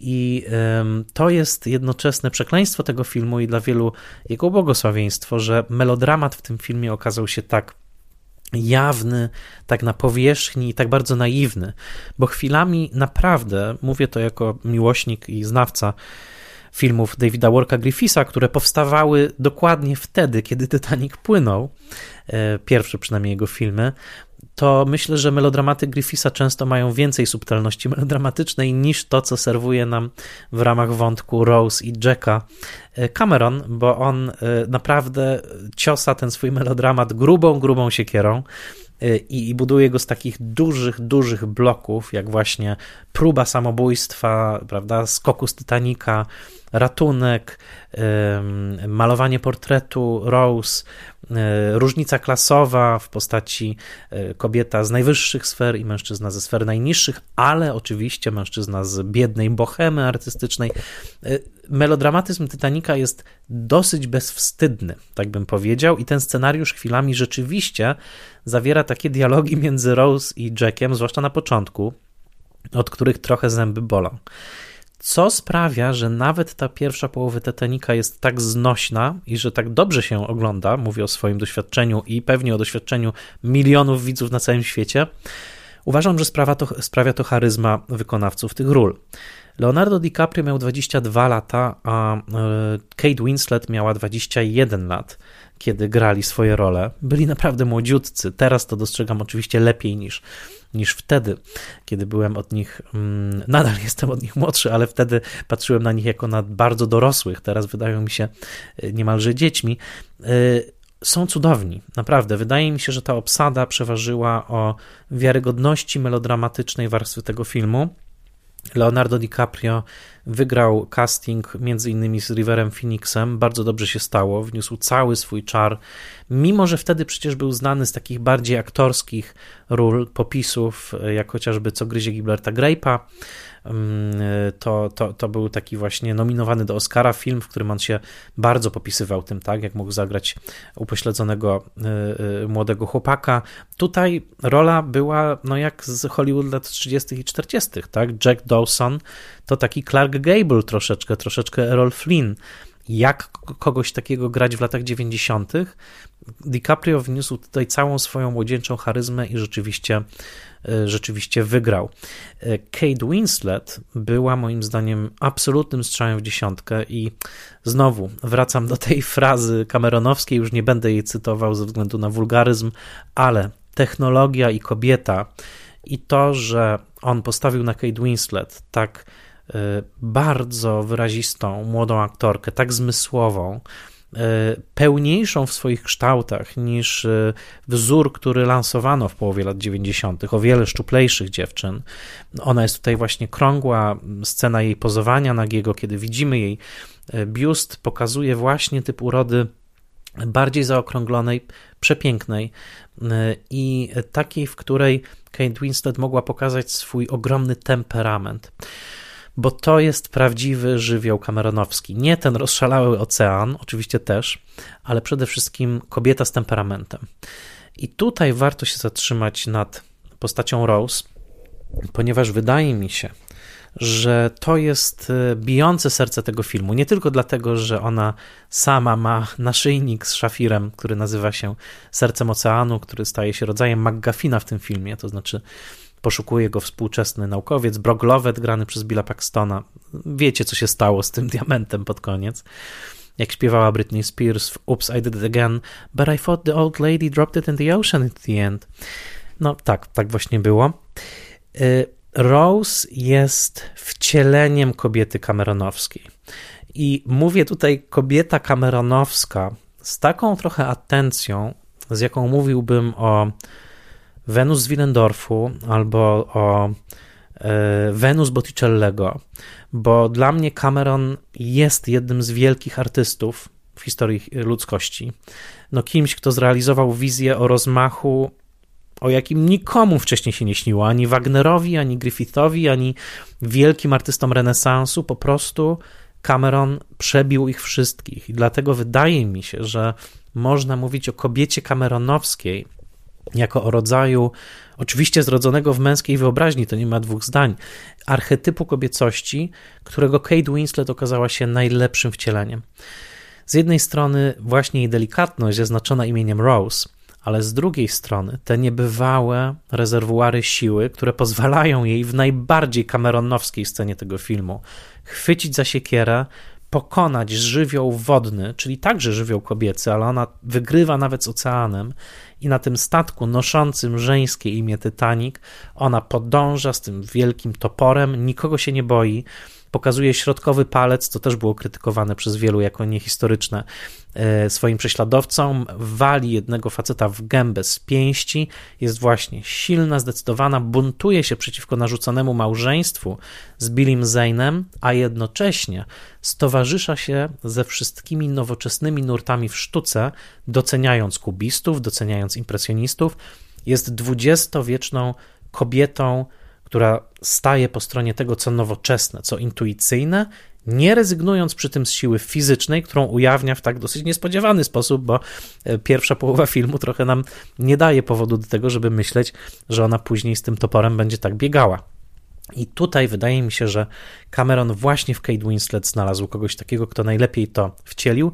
I ta Cameronowska scena, o której mówię, to jest to, kiedy ona podąża z tą siekierą przez ten zalany, zalany korytarz Titanica, a jednocześnie y, światła Titanica zaczynają już migać bo w ogóle w tym filmie one są bardzo długo zapalone i są bardzo jasne. Już późno statek tonie, Rose biegnie z Jackiem przez e, salę jadalną, a ona jest po prostu zalana światłem, takimi ogromnymi, ogromnymi e, polami światła.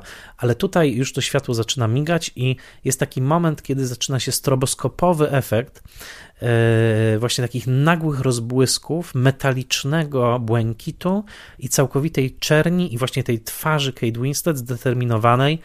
W tych rozbłyskach miłośnie filmował Cameron Linda Hamilton, Sigourney Weaver oczywiście. To jest jego ideał. To właśnie ta kobieta zrośnięta z technologią, która jednocześnie pokonuje przeszkody po to, żeby zawalczyć o to, E, co kocha, w tym przypadku właśnie Jacka, ale chociażby dziecko, nad którym się opiekuje Sigourney w Obcych, ale także sama, sama ona, bo mimo, i teraz dochodzimy do paradoksu, że mimo, że Jack Dawson jest w tym filmie takim nośnikiem wolności, jakiegoś takiego właśnie ducha bohemy, prawda, yy, który mówi, że a, ja mogę się obudzić dzisiaj właśnie w kajucie milionerki, jutro będę śniadał z biednymi, prawda, na brzegu Sekwany, jest takim właśnie artystą, wagabundą, trochę wzorowanym na Jacku Londonie, to jest bardzo, bardzo wyraziste, odsyłam do odcinka o yy, Zewie Krwi, to przecież to Jack koniec końców niknie w tym oceanie, spada. On był tylko potrzebny jako pewne stadium w rozwoju Rose, która mogła dzięki niemu rozkwitnąć. Ona mówi: Jack, będę tobie wierna, ale ta wierność będzie polegała nie tylko na podaniu nazwiska Jacka, kiedy e, zostanie zapytana o nazwisko Rose przy spisie ocalonych z rejsu Titanica. Nie, ona faktycznie wcieli w życie tego ducha przygody i ciągłego zdobywania. Kiedy widzimy już starą Rose, jak najprawdopodobniej umiera w swoim łóżku po tym, jak wrzuciła diament do oceanu, widzimy jej zdjęcia. Widzimy ją w stroju lotniczki przy dwupłatowcu, widzimy ją na koniu, widzimy ją eksplorującą Afrykę. To jest sedno sprawy. Uważam, że o tym jest ten film. Titanic jest kobietą, ale to Rose jest tytaniczką, ponieważ ona wciela w siebie to, co Cameron tak niesamowicie ukochał Gdybyście chcieli czytać to freudowsko, poczytajcie wypowiedzi Camerona o jego matce, gdzie mówi właśnie, że ona była wszechstronna, uwielbiała sztukę, cały czas uczyła się czegoś nowego. No, brzmi znajomo. Y, I, tutaj właśnie ta kobieta dwudziestowieczna, która siada za sterami samolotu, która siada na koniu, która przejmuje inicjatywę, i bardzo istotny szczegół sceny erotycznej w samochodzie. Co mówi Rose do Jacka? You're trembling drżysz, prawda? E, David Lubin w swojej książce o Titaniku zwraca uwagę, że to są słowa, które w każdym innym czasie i filmie innego reżysera byłyby kierowane od mężczyzny do kobiety, który byłby bardziej doświadczony, prawda? I powiedziałby do niej: drżysz, nie bój się, wszystko będzie dobrze. Tutaj to ona mówi do niego: drżysz, ponieważ to Jack jest od niej słabszy. Jak zawsze u Camerona, kobieta jest sednem tego wszechświata i nie ma żadnego przypadku, że najbardziej ikoniczny moment Titanica to jest ten, kiedy, na co też świetnie wskazuje w swojej książce historyk sztuki Lubin, kiedy Rose staje na dziobie statku, rozpościera ramiona, leci, jak sama mówi, słynna, ikoniczna, już po wielokroć powtarzana scena, ale Lubin ma ten rozsądek, żeby wskazać, że ona po prostu staje się w tym momencie tym kobiecym totemem, który był tak często wykuwany czy wyżłabiany na dziobach statków, któremu także hołd złożył Ruben Mamulian w słynnym filmie Królowa Krystyna, kiedy to Greta Garbo przyjęła właśnie tą postawę kobiety na dziobie statku. Niedawno zrobiła to trochę Anna Kazejak w filmie Fucking Bornholm. Tam była to Agnieszka Gruchowska, to jest zupełnie inna historia. W każdym razie ten portret kobiecej siły właśnie na statku, to jest, y, to jest Rose, to jest Kate Winslet, to jest to, co James Cameron lubi najbardziej. Jeżeli czytamy filmy jako właśnie wyraz takich głębokich fascynacji estetycznych, erotycznych, tematycznych reżyserów, to tak jak mówimy o blondynkach Hitchcocka, tak jak mówimy o rubensowskich kobietach, tak na pewno możemy mówić e, także o kobietach kameronowskich i tak się składa, że Rose, którą wcześniej miała grać Claire Danes, Gwyneth Paltrow, Winona Ryder, ale to w tej Brytyjce 21-letniej e, James Cameron odnalazł swój prawdziwy ideał i tak pięknie wydobywa jej twarz w tej delikatnej jeździe kamery Russella Carpentera na początku, kiedy ona jest jeszcze zakryta kapeluszem i Cameron delikatnie zagląda pod to rondo kapelusza, pokazując oto moja Rose, prawda? Oto jest moja muza tego filmu e, i de facto film jest jej apoteozą, ponieważ pokazuje później ją jako kobietę stuletnią, w pełni spełnioną, wzorowaną na prawdziwej stuletniej artystce, która była stowarzyszona z surrealistami i dadaistami, czyli Beatrice Woods. E, to odrębny temat, e, ale, ale, ale e, ona nawet dała potem Cameronowi swoją własną nagrodę za to, że ją tak pięknie sportretował. To wydaje mi się sercem takim tematycznym tego filmu, czyli właśnie pamiętajcie o tym, że Titanic to jest ona, kobieta, i że sam Cameron w Kate Winslet znalazł taką swoją prawdziwą ikonę tej silnej tej silnej kobiecości. Dodam jeszcze jeden mały szczególik, który odkryłem już pod koniec mojego researchu, który całość jeszcze bardziej e, domyka. Jak zwróciliście uwagę, Jack, kiedy żartuje sobie z wyższych sfer na statku, i kiedy oni go pytają, ach, czy jesteś z tych Dawsonów, tak, tam chyba z Bostonu, e, to on im odpowiada, nie, jestem z tych Dawsonów z Chippewa Falls, otóż większość dzieciństwa e, Cameron spędził w miejscowości kanadyjskiej Chippewa, więc brzmi to e, nie w Wisconsin, ale jednak Jack to chyba on trochę, e, a jednocześnie e, ręka, którą widzimy w scenie e, sporządzania tego niebywale kiczowatego szkicu węglem, jaki robi Jack nagiej Rose, zachowując jednocześnie pełen profesjonalizm, bo tam jest wyraźnie powiedziane, że w trakcie pozowania do niczego nie doszło, potem za obopólną zgodą doszło do czegoś w samochodzie. Otóż ta ręka, jeśli się przyjrzycie, no jednak wygląda bardziej na 41 lat niż na 21 i tak, jest to ręka Camerona, ponieważ to on szkicował e, ten portret Kate. I myślę, że tak jak na renesansowych obrazach często odnajdujemy, prawda, mikroautoportret artysty w jakimś miejscu kluczowo, e, e, strategicznie wybranym, tak absolutnie myślę, że to, że ta ręka, którą jest szkicowana naga Kate Winslet w tym filmie, to jest taki podpis też samego Camerona, który mówi, że to jest moja wizja tej kobiety tak? Jej, jej piękna, jej właśnie kształtu, jej ducha. I to dokładnie wskazuje na to, tak jak z tym Chippewa Falls, że Cameron wpisuje siebie w ten film. On jest tym Jackiem, on rzuca to zafascynowane spojrzenie i on mówi tej kobiecie: żyj, żyj za wszelką cenę. Nigdy nie rezygnuj z siebie, tak? No i piękno całej sytuacji polega na tym, że jak w każdej najlepszej fantazji, ona odpowiada mu tak, podążę za tym i nagrodą za to jest to stuletnie przepełnione życie, tak? Życie całkowitego spełnienia, którym Rose żyje, e, aby uhonorować swoją miłość do Jacka. Więc e, niektóre fantazje realizuje się za 200 milionów dolarów i tak jest w tym przypadku, tak jak wielu, wielu, wielu męskich artystów wcześniej, e, którzy właśnie stawiali swoim fantazjom takie wielkie, wielkie pomniki.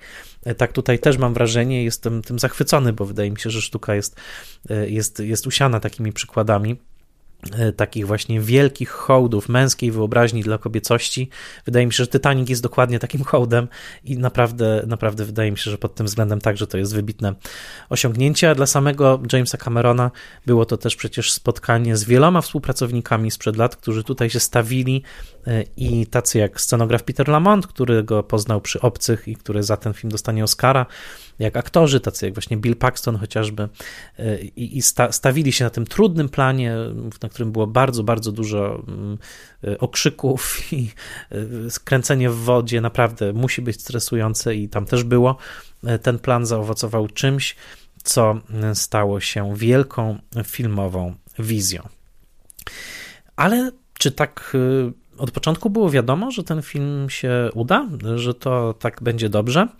Ostatnią część odcinka chcę poświęcić na kwestię recepcji Titanica i ta recepcja zaczęła się zanim jeszcze film został ukończony. E, dla porządku, film był kręcony od czerwca 1996 roku do marca roku 1997. Był przygotowywany do premiery latem roku 1997. Cameron wybłagał w pewnym momencie, żeby jednak była to premiera w grudniu 1997, bo wiedział, że inaczej nie dokończy montażu, nie dokończy dźwięku tak, jakby sobie mm, nie dokończy dźwięku tak, jakby sobie tego życzył. Cameron był jednym z trzech montażystów tego filmu. Conrad Buff i Richard A. Harris byli pozostałymi. I to jest bardzo istotne, bo to będzie jeden z trzech Oscarów, jaki odbierze Cameron e, już w marcu 1998. Najpierw odbierze Oscara razem z kolegami montażystami, potem jako reżyser Titanica i potem odbierze Oscara jako producent Titanica. E, natomiast no, na szczęście zdecydowano się wtedy na przesunięcie tej premiery, ale pamiętajmy, że sama produkcja była trudna, ponieważ ciągle wzrastały koszty, to po pierwsze. Po drugie, mm, doszło też do jednego incydentu, który do dzisiaj jest niewyjaśniony. To znaczy 9 sierpnia 1996 roku na planie ktoś dodał, i do dzisiaj nie wiadomo kto, fencyklidyny, czyli substancji psychoaktywnej, e, bodajże znanej jako PCP, e, do zupy, e, do takiej zupy z owoców morza i zjadła ją większość ekipy i zaczęło się pandemonium. To jest substancja psychoaktywna, która między innymi sprawia, że temu, kto ją zażył, wydaje się na przykład, że jego ciało się zmienia, że ręka się wydłuża i tak dalej. I powstało zbiorowe delirium, w trakcie którego y, ekipa zaczęła na siebie wrzeszczeć, doświadczała jakiejś orgiastycznej wizji, oczy Camerona zaszły krwią, jak oczy Terminatora, a jego asystentka rzuciła się na niego i dźgnęła go do krwi długopisem. E, on sam też wygadywał jakieś głupoty i chyba z tą asystentką długo rozmawiali ze sobą przez krótkofalówkę, stojąc jednocześnie od siebie o dwa metry, co mi się kojarzy z, ze sceną z wojny polsko-ruskiej Ksawerego Żuławskiego, ale tak to wyglądało. To było jakieś straszne delirium i do końca nie wiadomo, kto tę substancję tam wrzucił, czy była to zemsta mm, zwolnionego pracownika. W każdym razie sytuacja była dosyć niebezpieczna. I, I taka właśnie z pogranicza zbiorowego szaleństwa. Ale to był tylko jeden czy dwa dni. Natomiast o wiele gorsze w pewnym sensie było to, że cały Hollywood życzyło po cichu porażki Cameronowi, ponieważ film z zewnątrz wyglądał tak. Koszty rosną, koszty przekraczają w zasadzie już wszystko inne, to znaczy staje się to najdroższy film świata. Filmu nie ma, ponieważ film jest przekładany na kolejne miesiące i nawet na, na, w branżowym Variety, w takim piśmie, które czyta cały Hollywood, była specjalna rubryka pod tytułem Titanic Watch, gdzie liczono, ile ten film trwa, ile już przekroczył e, dni zdjęciowych, ile już było dni zdjęciowych, kiedy premiera. Innymi słowy, tak wytykano Cameronowi. E, już skończyłeś? No pokaż, pokaż, tak? No co tam przygotowujesz? Ile już pieniędzy wydałeś? Cameron był przygotowany na porażkę. Naprawdę tam dużo osób zaczęło w niego wątpić. Nawet w pewnym momencie zasugerowano mu całkowite zrezygnowanie z zysków z tego filmu. Podobno wybuchł e, bardzo gwałtownie i dobrze, że nie zrezygnował, bo odciąłby się od bardzo, bardzo dużej skarbonki z pieniędzmi. E, tak czy inaczej, Hollywood życzyło po cichu, żeby ten film się nie udał. Na szczęście pierwsze pokazy przyniosły pozytywne zmiany, to znaczy publiczność wciągała się w ten film. E, dokonano też paru, zmian, paru skrótów i koniec końców premiera tego filmu e, najpierw w Tokio, a potem w Hollywood okazała się ogromnym sukcesem. Hollywood zakochało się w tym filmie, bo zobaczyło w nim swoją własną historię. Zobaczyło w nim właśnie takie epickie przedsięwzięcia, jak chociażby Przeminęło z wiatrem. I chociażby recenzentka New York Timesa napisała wtedy, że jest to w ogóle pierwszy film, który tak naprawdę można porównać z Przeminęło z wiatrem pod kątem wystawności i tego, że ten melodramat tak pięknie się udał. Mimo, że chociażby recenzent Los Angeles Times pisał, że jest to najgorzej napisany film, jaki widział, a Robert Altman powiedział, że jest to w ogóle najgorszy film, jaki on widział. E, Jacques Rivette także bardzo nieprzyjemne rzeczy powiedział i o tym filmie, i o Kate Winslet. Możecie sobie znaleźć w internecie. Tak czy inaczej, wydawało się, że ten film e, od pierwszego momentu jednak, e, pomimo wszelkim przewidywaniom, trafił na dobrą falę. Widzowie bardzo ten film polubili, a przede wszystkim, i to jest klucz do każdego wielkiego sukcesu kasowego, Mianowicie udały się tu dwie sztuczki. Po pierwsze, film lubiły i kobiety, i mężczyźni, czyli idealny film dla par. Cynicy mówili romans dla kobiet, katastrofa dla mężczyzn, ale właśnie tak nie jest, ponieważ Cameron idealnie połączył te elementy tak, że pary świetnie bawiły się na tym filmie i wspólnie płakały pod koniec. Badania z Uniwersytetu w Kalifornii pokazały wiele lat później, że był to jeden z tych filmów, na którym mężczyźni nie wstydzili się płakać. Co ciekawe. E, a po drugie, udało się tutaj to, że wiele osób chodziło dwa razy. E, w pewnym momencie policzono, że zwłaszcza nastoletnie dziewczyny chodziły na ten film co najmniej dwukrotnie i że spośród wszystkich kobiet poniżej 45 roku życia, które w ogóle widziały ten film, około 60% widziało go dwa razy. Więc to był, taki, to był sekret, że potem wspólnie, grupowo chodziło się na ten film a także ludzie spotykali się, żeby posłuchać muzyki z Titanica, muzyki Jamesa Hornera. Innymi słowy, dokonała się tutaj połączenie najrzadszych elementów, czyli wielkich pieniędzy, wielkiej wizji, wielkich, świetnych, młodych gwiazd i publiczności, która postanowiła, że to jest dokładnie film dla niej w tym momencie.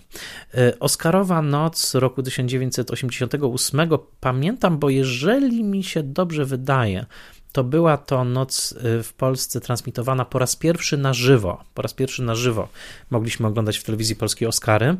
Y, no i wówczas 14 nominacji, co dorównało rekordowi y, wszystkiego o Ewie Mankiewicza i 11 Oscarów, które dorównało 11 Oscarom Ben Hura z 59 roku, pokazało jak bardzo Hollywood pokochało najnowsze dziecko Jamesa Camerona, Oscary za najlepszy film, najlepszego reżysera, najlepsze zdjęcia Russell Carpenter, najlepsza scenografia, tutaj właśnie Peter Lamont, y, wierny y, jako jedyny z tej brytyjskiej ekipy y, Spinewood poszedł dalej za Cameronem, co opłaciło się Peterowi Lamontowi. Best Costume Design, czyli najlepsze kostiumy, dźwięk, montaż, efekty dźwiękowe, czyli montaż dźwięku, efekty wizualne, oczywiście w tym filmie pełen maestrii, muzyka Hornera i nie unikniemy tego, moi drodzy.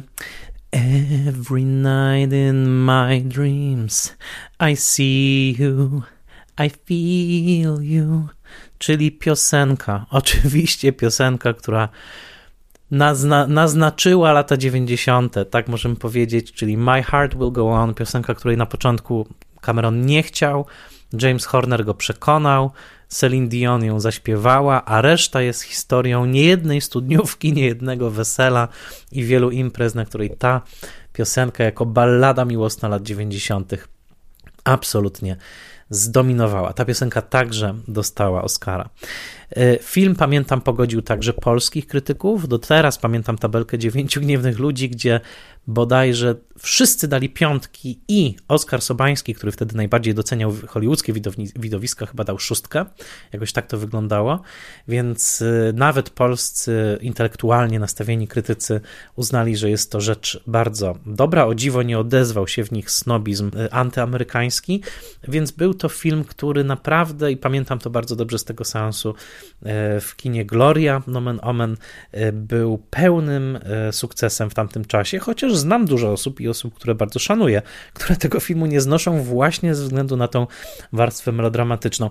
Tym osobom naprawdę dedykuję to, żeby spojrzeli na to, e, co dzieje się tutaj na tym planie fantazji kameronowskiej właśnie i żeby docenili też e, rolę Kate Winslet. E, a powiem mm, jeszcze na koniec, że oglądanie ponowne tego filmu było dla mnie dużym przeżyciem, bo nie dość, że obejrzałem go ponownie na Blu-rayu, to wybrałem się też do kina z okazji tej 25, z okazji 25-lecia i nie zostałem na całości. Byłem bardziej ciekaw tego, jak wygląda ten film teraz, jak się go ogląda na dużym ekranie, ale te sceny mm, przechylania się pokładu Titanica, przechylania się tego ogona, mm, który w końcu sterczy y, y, pionowo nad wodą i wciąż niesamowite sceny tych spadających pasażerów, którzy walczą o życie. Jest w tym prawdziwa groza, jest w tym prawdziwe widowisko i rzeczywiście wieje wtedy z tego coś, co nazwałbym takim odorem śmierci. To znaczy, te sceny nie są czystą zabawą w kino, mimo oczywiście, że wymagały talentu tych wszystkich kaskaderów i mistrzów od efektów specjalnych, to nie są czcze sceny śmierci. Mam wrażenie, że Cameronowi i to, gdyby ktoś szukał argumentu na umieszczenie Titanica jednak w zakresie dzieł sztuki wysokiej, wydaje mi się, że on wykreował rodzaj przerażającego spektaklu śmierci w tym filmie, który w tej ostatniej półgodzinie dominuje i staje się czymś porażającym. I e, przy całej swojej naiwności, bo ten film chwilami jest naiwny, przy zabełtaniu tej melodramatyczności i za, zauroczenia technologią, e, przy swoistej naiwności Camerona, który przywołuje chociażby tą sztukę nowoczesną w taki sposób bardzo niezdarny, może amerykańsko niezdarny, to wydaje mi się, że w tych momentach Cameron jest prawdziwym wizjonerem kina i zasłużył sobie na patos scen pożegnania Rose i Jacka, kiedy oni są już zamienieni w takie dwa sine ciała. E, wydaje mi się, że mamy wtedy do czynienia z kinem tworzonym przez prawdziwego wizjonera, i ja tych scen nie kwestionuję, tak jak nie kwestionuję całości. Mam ogromną słabość do filmów monumentalnych, które jednocześnie wyrastają z osobistej wizji artysty. Dlatego umieściłem nietolerancję tak wysoko Davida Griffisa na swojej liście wszechczasów, ponieważ ona jest czymś takim, tyle że zrealizowanym 4 lata po katastrofie Titanica. Więc y, to są niebywałe osiągnięcia, które wymagają tak wielkiego samozaparcia i tak wielkiej woli artystycznej, że ja jako ktoś, kto takich rzeczy nigdy nie zrealizuje, e, a kogo one naprawdę zachwycają, kiedy widzę je na ekranie, mogę tylko się ukłonić i powiedzieć, że tak, tutaj to się udało i powstało piękne, monumentalne dzieło sztuki, które jednocześnie ma momenty bardzo delikatne i momenty porażające, i którego naiwność mi nie przeszkadza, ponieważ jest integralną częścią osobowości twórcy. E, I, I, taki twórca jak Cameron ma też prawa do swoich zakątków naiwności. E, tak było też e, z innymi wielkimi wizjonerami. Tak jest często z Guillermo del Toro, na przykład, którego bym też porównał z Cameronem pod pewnymi względami, zresztą bardzo się przyjaźnią. I, i, I jednak stopień ich artyzmu jest czymś, co w tych filmach i w Titanicu także dla mnie absolutnie widać i czymś, co mnie co mnie zachwyca. Mam nadzieję, że ta długa wyprawa e, Titanikiem była dla Was ciekawa. Oczywiście nie wspomniałem o bardzo wielu rzeczach, bo naprawdę się nie da. To jest film, o którym można czytać i czytać, i który naprawdę e, także pod względem towarzyskim był dużym wydarzeniem, bo dużo osób komentowało brak chociażby aktorskich Oscarów. W tym przypadku Kate Winslet i Gloria Stewart dostały nominację E, ale nie doczekały się e, statuetek, a Leo został całkowicie pominięty. E, no i jeszcze za charakteryzację Titanicowi nagroda nie przypadła, ale mm, poza tymi ploteczkami i poza długimi dyskusjami nad tym, czy Jack zmieściłby się na drzwiach i czy mógłby być uratowany, czy nie, to, z czym ja zostaję po tych 25 latach, to jest wielkie widowisko z elementem melodramatu, które być może jest zwieńczeniem dwudziestowiecznego kina hollywoodzkiego e, i czymś, co dla mnie nadal żyje i co mam nadzieję dla młodych widzów jest wciąż interesujące. Także ja dziękuję Wam, że mogłem znowu tym Titanikiem się wybrać. Odsyłam Was też do tych lektur, które wskazałem i mam nadzieję, że moja miłość do tego filmu także w tym odcinku wybrzmiała. Dziękuję Wam, wysłuchaliście odcinka dzięki patronkom i patronom, patronite.pl łamane przez Spoilermaster, tam zawsze można mnie wesprzeć w tym projekcie podcastowym, a ja delikatnie już sugeruję, że niedługo usłyszycie w Spoilermasterze o Terminatorze, e, a na pewno kolejny odcinek Spoilermastera usłyszycie już za tydzień.